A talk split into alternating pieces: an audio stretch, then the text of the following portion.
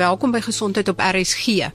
Medikliniek het onlangs, eintlik Saterdag wat verby is, 16 oordromherstel operasies op volwassenes en kinders by drie hospitale in die Wes-Kaap gedoen. Dit is by Strandstellenbos en vergeleë Medikliniek. Dit is deel van 'n groter program om 110 operasies wat katarakchirurgie insluit tot Desember te doen om die las van die staatshospitale te verlig. Een van die dokters wat betrokke was by die reeks oordrom herstel operasies was dokter Gawie de Villiers van Vergelewen Vergeleë Medikliniek en hy's 'n oorneus en keel spesialis. Nou wil ek by dokter Gawie de Villiers hoor, hoekom is dit nodig om 'n oordrom herstel te doen? Hoe wat gaan dan verkeerd dat die oordrom 'n gaatjie inkry? Dokter de Villiers Uh, Marie, dankie en en goeiemôre. Ehm um, en goeiemôre aan die luisteraars. Weet jy, uh gewoonlik wat gebeur met uh hierdie tipe van gevalle is maar middeloor infeksies wat plaasvind en dit vind baie meer in kindertjies plaas as as in volwassenes. En as die infeksies dan gekompliseer raak, dan skeur die oordrom baie keer. En in meeste gevalle sal dit weer heg op sy eie as die oor herstel het, maar in sekere gevalle gebeur dit nie en dan ontwikkel daar nou wat ons noem 'n kroniese perforasie of 'n kroniese gaatjie in die oordrom. Ehm um, en uit die aard van die saak as jou oordrom 'n gat en dit vibreer hy nie so goed soos wat hy moet vibreer nie. En dan word daar nie mooi klank oorgedra na die binneoor toe nie, so die gehoor word beïnvloed. En uh wat ons dan gewoonlik doen is ons uh wag dat die oortjie so gesond as moontlik is en dat hy nie meer ehm um, uh siek lyk vir ons nie en dan vat ons hulle teater toe uh op 'n uh, sekere ouderdom gewoonlik nie voor die ouderdom van 8 9 jarige ouder uh, um oud nie en dan dan gaan herstel ons daai ouderdom primêr om die gehoor te verbeter vir die vir die pasiënt maar dit hou ook water uit en dis meer wat verdere infeksies in die oor kan bring. En dokter De Villiers, hoe herstel julle dit? Werk julle iets daarin om my gaatjie toe te maak of trek julle dit net toe? Ja. Hoe, hoe, hoe maak julle? So daar daar's 'n daar's 'n paar tegnieke wat 'n ou kan gebruik en ehm um, dit dit hang van 'n paar faktore af. Dit hang af hoe groot die gaatjie is. Dit hang af of die oor siek is. Dit hang af of daar ehm um, vorige operasies gedoen is en dan sal natuurlik uh, voorkeure van van die chirurg sekere ouens hou van 'n sekere tegniek. Maar die basiese beginsel uh, en die algemeenste goed wat gedoen word is ehm um, dat ons 'n uh, bietjie kraakbeen gebruik van die oorskulp self. Ehm um, of baie keer 'n bietjie wat ons noem ehm um, fascia of of spierskede waar ons in die oor ingaan kan 'n mens van daai spierskede vat en ons lig dan die ehm um, vel in die oordrom, ag vel in die oorkanaal op tot ons in die middeloor uitkom en dan gaan maak ons vat ons daai stukkie kraakbeen of dan daai stukkie uh spierskede en jy plak hom eintlik letterlik vas aan die binnekant van die oordrom. Ehm um, en hy sit maar daar vas. Ou maak hom nie vas met steke of enige iets nie. Dis maar 'n uh, eh, die bietjie vog en 'n klein bietjie bloed in die middeloor wat hom laat vassit en dan baie keer kan hy hom met met met ehm um, sponsies en dis meer ondersteun van binne af en hy groei dan self daarso weer vas. Party ouens ehm um, hou daarvan om die operasie te doen uh met uh wat ons noem 'n endoskoop met ander woorde dis die ehm um, uh net 'n 'n kamerakie op is 'n uh, gewone reguitskoop wat 'n ou dan ehm uh, ehm um, sit en jy kyk op die TV hoe jy dit doen. Uh, en dan het jy net een hand waarmee jy kan opereer want die ander hand moet dan die endoskoop vashou en dan die ander tegniek is om 'n groot mikroskoop te gebruik. Uh wat jy dan sit en daar daar het jy twee hande. So die tegniek verskil 'n bietjie. Die endoskopiese tegniek is nou in die laaste 10 of 15 jaar wêreldwyd het dit nou 'n bietjie meer gewild begin raak, maar daar's soms maar ouens wat dit op al twee maniere doen. Aan die een kant klink dit eenvoudig as jy sê dis net spoeg en plak amper, maar aan die ander kant besef mens hoe fyn werk dit moet wees as jy met mikroskope moet werk uh, en dat dit as jy daaraan dink hoe klein dit is. Ja, kyk vir al in kinders is dit um, hoe kleiner die oor is uit die aard van die saak, hoe tegnies moeiliker is die operasie ook. Uh dis hoekom 'n mens maar 'n mikroskoop gebruik en dan uit die, uit die aard van die saak die endoskoop, die beeld wat jy op die TV voor jou het, is ook massief. So uh die instrumente wat ons ook gebruik is fyn naalde en dis fyn tangetjies waarmee jy um rond beweeg. Daar's baie fyn seiertjies hier en daar met 'n ou uh, dalk 'n bietjie been wegvat en dan sit sulke ehm um, sulke uh, hakkies waarmee mens been kan wegskraap of baie keer ehm um, boor boor ons op 'n klein bietjie van die oorkanaal weg en dis alles baie fyn en baie klein ehm um, instrumente wat 'n ou gebruik en en dit is maar wat jy leer met jou opleiding om in 'n baie klein spasie te werk met ehm um, fyn instrumente. Kan mens hierdie oordrom uh gaatjie in die oordrom verhoed as jy middeloorinfeksie betyds of sterk genoeg behandel? Ja, jy kan dit waarskynlik verhoed. Ehm um, ek dink waaroor dit mag gaan is uh in in die die infektiewe periode ehm um, wat so tussen die ouderdomme van min of meer 18 maande, 2 jaar oud tot omtrent 5. So kom ons sê van 2 tot ehm um, skoolgaande ouderdom voorkom, moet 'n mens probeer om indien daar wel oorinfeksies in kinders voorkom, ehm um, dit aggressief te behandel. Ehm um, eerstens net met antibiotika en so meer en in sommige gevalle ehm um, moet van die kinders dalk 'n uh, 'n uh, ehm um, 'n ventilasiepypie kry of 'n grommet soos wat dit algemeen bekend is. En dit is alles maniere om te verhoed dat 'n oordrom bars en 'n 'n kroniese perforasie maak. So die ideaal is vir ons om daai situasie te vermy.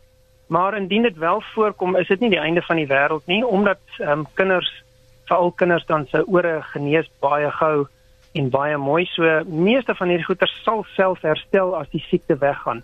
So dit gaan maar op die ou einde van die dag daaroor dat ehm um, pasiënte wat oorprobleme het moet by 'n oorneus en keel spesialis uitkom sodat hy gesien kan word.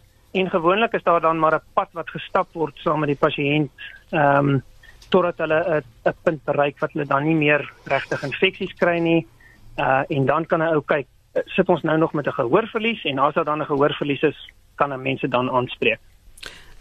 Met die oordrom herstel operasie maak jy nou 'n gaatjie in die oordrom toe Maar as jy 'n grommet insit, dan maak jy 'n gaatjie in die oordrom. Ja, dit klink of dit nie uh nie kan werk nie. Die die verskil is ehm um, dis 'n dis 'n ander tipe siekte. So in in ehm um, 'n middeloorinfeksie waar daar 'n uh 'n komplikasie plaasgevind en in die oordrom gebars het, is die is die ehm um, perde nou reeds uit die stal uit. So dinge het nou klaar skeef geloop en ons wil graag daai oor toe hê. So die ideale situasie is die fisiologiese situasie waarmee ons gebore is. Met ander woorde, ek het my middeloorspasie met aan die een kant die oordrom wat hom toemaak en aan die ander kant is my eustachius buis wat loop na die agterkant van my neus toe en dis deur daai buis wat my middeloor die hele tyd 'n bietjie lug inkry. So daai middeloorspasie moet lug inkry. En daai buisie maak so elke paar minute maak hy oop en laat 'n bietjie lug toe en dis hoe die oor gesond bly. As ons dan 'n situasie kry waar 'n kind byvoorbeeld 'n infeksie kry en die infeksie nie opklaar nie of dan daar 'n klomp ehm um, vog agter die oordrom akkumuleer. Ons noem dit 'n gom oor want hy vog raak net so dik soos gom. Uh, as dit dan sou gebeur, dan wag ons gewoonlik 'n bietjie, ons sal 'n kursus antibiotika gee, kyk of dit nie self opklaar nie en as dit dan nie opklaar nie, dan sit jy met 'n situasie waar die oor ehm um, nie meer geventileer word nie. En wat ons dan doen is ons maak dan 'n klein snytjie in die oordrom, uh 2-3 mm lank en jy sit 'n 'n grommet of 'n ventilasiebuis in en daai daai buisie se hoofdoel is om as 'n ventilasiebuis te dien. So hy moet net lug in die oor en laat gaan.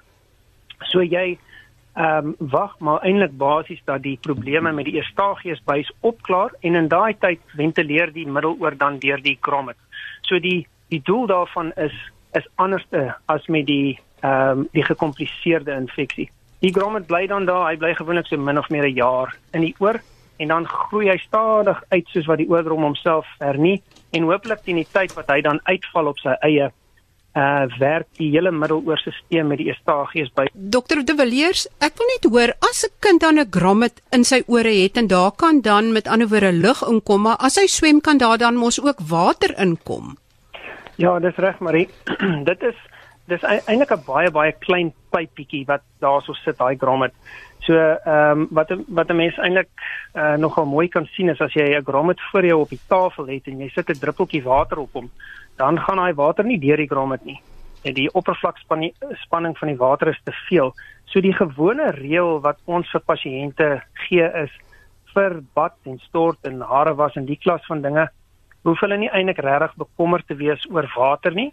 Ehm um, swem ehm um, mag in sekere gevalle 'n probleem raak en dit is veral as dit 'n kind is wat nou 6 jaar oud is en hulle duik en swem op die bodem van die swembad rond, dan het jy water wat in die oorkanaal ingaan en is nog onder druk ook. So as daar genoeg druk agter daai water is, dan sal hy deur die grommet gaan, maar vir die gewone spartel bo op die swembadwater en die kop wat so klein bietjie onder die water gaan, is 'n grommet gewoonlik nie regtig 'n probleem nie. En indien daar wel dan 'n infeksie ontwikkel, kan 'n mens doeteenvoudig gaan en 'n uh, 'n druppeltjie ingooi en die druppeltjie kan jy dan ook deur die oor um, tot in die middeloor kry deur die grommet. So dien, dit dien vir ons ook as 'n poort waardeur ons dan uh, in die toekoms kan middeloor infeksies hanteer. Goed, so met die eerste met die uh, oordrom met die middeloor infeksies. Met ander woorde, een van die goed wat julle dan ook probeer doen is om die buise van Eustachius oop te kry die swelling weg te kry en dit oop te kry sodat daar natuurlike uh, beligting kom van die keel se kant af. Ja, dis heeltemal reg. Nou daar's nie uh daar's nie verskriklik baie wat ons kan doen aan die Eustachius buise funksionering nie. Ehm um, dit bly maar nog vir ons 'n bietjie van 'n raaisel. Ons weet nog nie presies hoe hy werk nie. Uh wat aktiveer hom presies en so aan nie. So ehm um, gewoonlik as jy nie weet hoe 'n ding werk nie, is dit baie moeilik om hom te probeer regmaak daar is op hierdie stadium ehm um, uh, uh wat ons noem 'n dilatasie of 'n strekking van die Eustachiusbuis wat ook kan gedoen word. Dit is maar nog 'n prosedure wat 'n bietjie kontroversieel is ehm um, in die in die uh FSA in Europa word dit nou meer gedoen en daar is groot reekse wat lyk asof die pasiënte redelik goed gedoen het. Ehm um, so dit is 'n opsie wat mens ook kan hê. Die die groot ding wat ons maar probeer doen is ons probeer die agterkant van die neus waar die eustachies buis oopmaak gesond te kry. So as jy nou 'n kind het wat gereeld infeksies kry, ehm um, en die hele tyd siek is en 'n kroniese nat neus het en so aan, is die kans dat hy van daar af 'n uh, oorinfeksie kan kry beter. So wat ons in sulke gevalle doen is ons sal byvoorbeeld die die ehm um, adenoids uithaal, die adenoids of die adenoïde, dis maar immuniteitsweefsel dieselfde as jou mangelweefsel dis net die mangels wat agter in die neus sit. So ons sal dit gaan verwyder want dis 'n bron van moontlike infeksie. En dan as daar mense is wat sukkel met uh kroniese neussiektes soos allergie en dis meer sal mense dit ehm um, effektief probeer behandel om die neus so gesond as moontlik te kry. Maar dit is maar min of meer uh waar ons rol ophou. Die res hoop ons vir die liggaam se se ehm um, eie stelsels om in te skop en dit skop gewoonlik in as die kinders 'n bietjie ouer is. So weer eens hier van skoolgaande ouderdom af funksioneer daai buis en daai middeloorstelsel net baie beter en meeste van hierdie tipe oorinfeksies ehm um, is dan verbygaande en die mense sukkel nooit weer daarmee nie. Net voordat ons wegbeweeg van die ore af en na die mangels in die sinusse toe, oorstokkies en was in jou ore, is dit raadsaam om dit te gebruik of vererger dit eintlik die probleem? Marie, dit uh dit veroorsaak net probleme. So ek sê altyd vir pasiënte, jy sal sien daar staan nie earbuds op daai uh boksie wat jy koop nie. Daar staan cotton buds. En nou ek weet nie wat doen 'n mens met 'n cotton bud nie. Uh maar klaar blyklik druk jy hom aan jou oor ook. So ehm um, die algemene reël is en ons spot altyd daarmee niks kleiner as jou elmboog gaan in jou oor in nie. Ehm um, 'n mens moenie jou ore probeer skoonmaak nie. Al wat jy kan doen is jy sit vinger op 'n lap en jy vee net jou oor uit. Jou oor maak homself skoon. Ehm um, jy het nie nodig om maar binne in te gaan nie. Wat jy met 'n oorstokkie doen is uh die was wat daar wel is, druk jy eintlik maar net dieper in die oor in, so dan sit jy met 'n pasiënt waar die was eintlik net meer en meer en meer opoop en jy kompakteer dit eintlik so daar binne vas en dan moet 'n ou dit ehm um, onder die mikroskoop van probeer uithaal en dan heel dikwels kry jy skade aan die vel wat ehm um, aangerig word en dan ontwikkel daar oorkanaalinfeksies en dan elke nou en dan druk iemand natuurlik 'n oorstokkie deur die oordrom en veroorsaak 'n traumatiese gaatjie om te ontstaan en dan ehm um, uh, dan is daar duisigheid wat kan ontstaan daar kan ge permanente gehoorverlies ontstaan met hierdie tipe van ding en die stokkies breek elke kort kort af so nou en dan moet jy 'n uh, uh, uh, uh, oorstokkie se uh, watte uit die oorheid um, by die pasiënt verwyder. So dit is regtig nie iets wat mens moet doen nie. Vinger op 'n waslap en niks meer is dit nie. Sjoe. Nee, gelukkig kan mens nou nie 'n oorstokkie teen jou mangels druk nie. Maar Wat is die jongste siening oor mangels? Word dit nog redelik maklik verwyder of probeer julle dit hou? Wat is die jongste standpunte daaroor? Uh, Marie, ek dink nie dit het verskriklik baie verander in die laaste dekade of 2 nie. Die klassieke indikasies om mangels te verwyder is maar herhalende mangelontsteking en dan is daar ander dinge ook soos uh pas, pasiënte wat baie keer 'n uh, abses kry in die mangels of langs die mangel eerder ehm um, gewoonlik sal ons aan hulle ook voorstel dat mens maar daai mangel uithaal.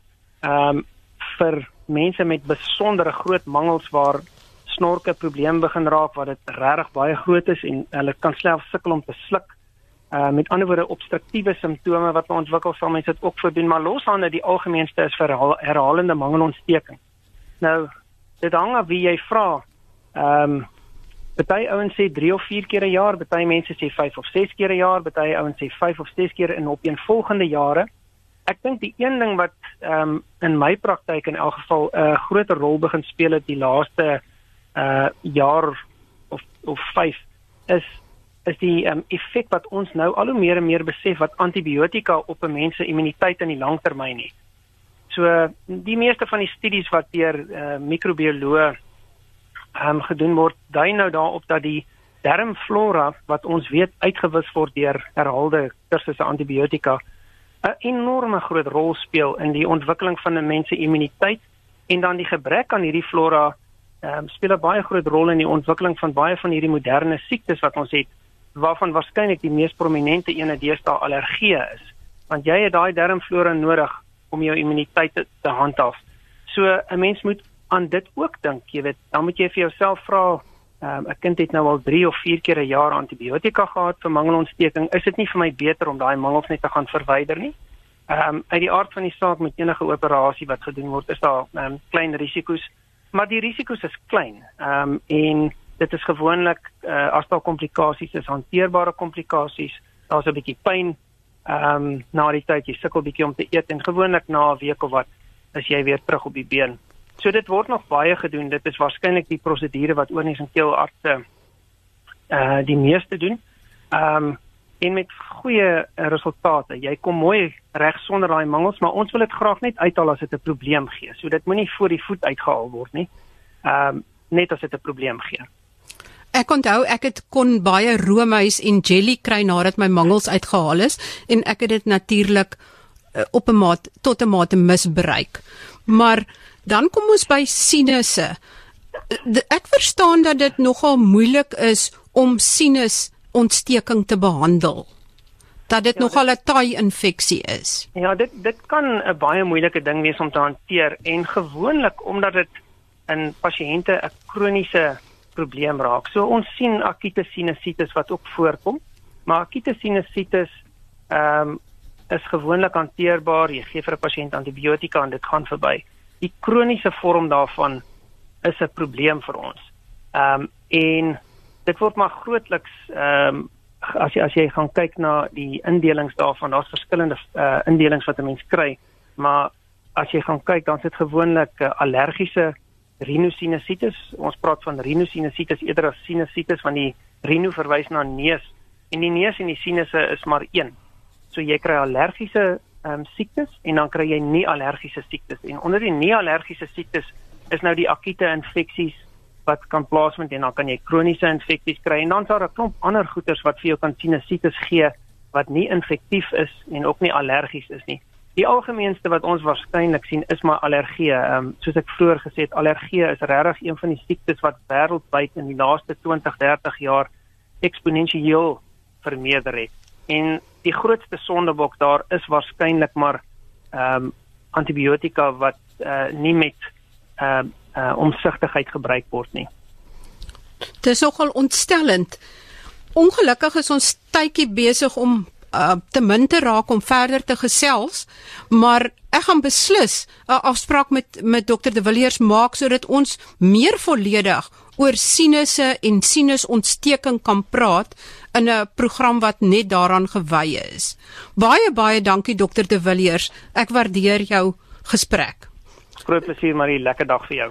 Baie dankie. Dan gee ek net vinnig enkele hoogtepunte van week 11 van die uh, doen dit net aksieplan en ek gaan regtig dit net vinnig gee. Die eerste een is jou kopplan. As jy 'n fout gemaak het of nie kon byhou met jou eet en oefenplan nie, vergewe jouself. Vergewe jouself onmiddellik en maak of dit nie verkeerd geloop het nie en gaan net aan. Volstoom. Oefen, ons gee nog maagspieroefeninge. Eet fokus ons hierdie week op goeie vette en dit sluit die monoversadigde en polyonversadigde vette in. Natuurlik is die versadigde diervette en die transvette is die gevaarlike vette en die banters redeneer dat dit maak nie saak hoeveel vet jy in jou bloed het nie, dat dit en dit is so die meeste mense met diabetes ontwikkel hartprobleme omdat hulle bloedvatprobleme ontwikkel. Met ander woorde, daar's meer as een faktor nodig en daai faktore is verhoogde glikose vlakke en onthou jou glikose metabolisme kan al 15 jaar foutief wees voordat dit ernstig genoeg is om diabetes te wees. Rook en dat jou familiegeskiedenis waaraan jy niks kan doen nie en daar kan nie cholesterol plaak in jou bloed vorm as daar nie vet is nie. So die ander faktore is nodig, maar as die vet in jou bloed hoog is, en ek praat van die LDL cholesterol vet, dan het jy regtig waar probleme wat op jou wag. Dit gaan alles môre op die webblad wees. Die nuusbrief kom Vrydag uit en teken gerus ook in op die algemene nuusbrief van RSG. Tot volgende week dan. Totsiens.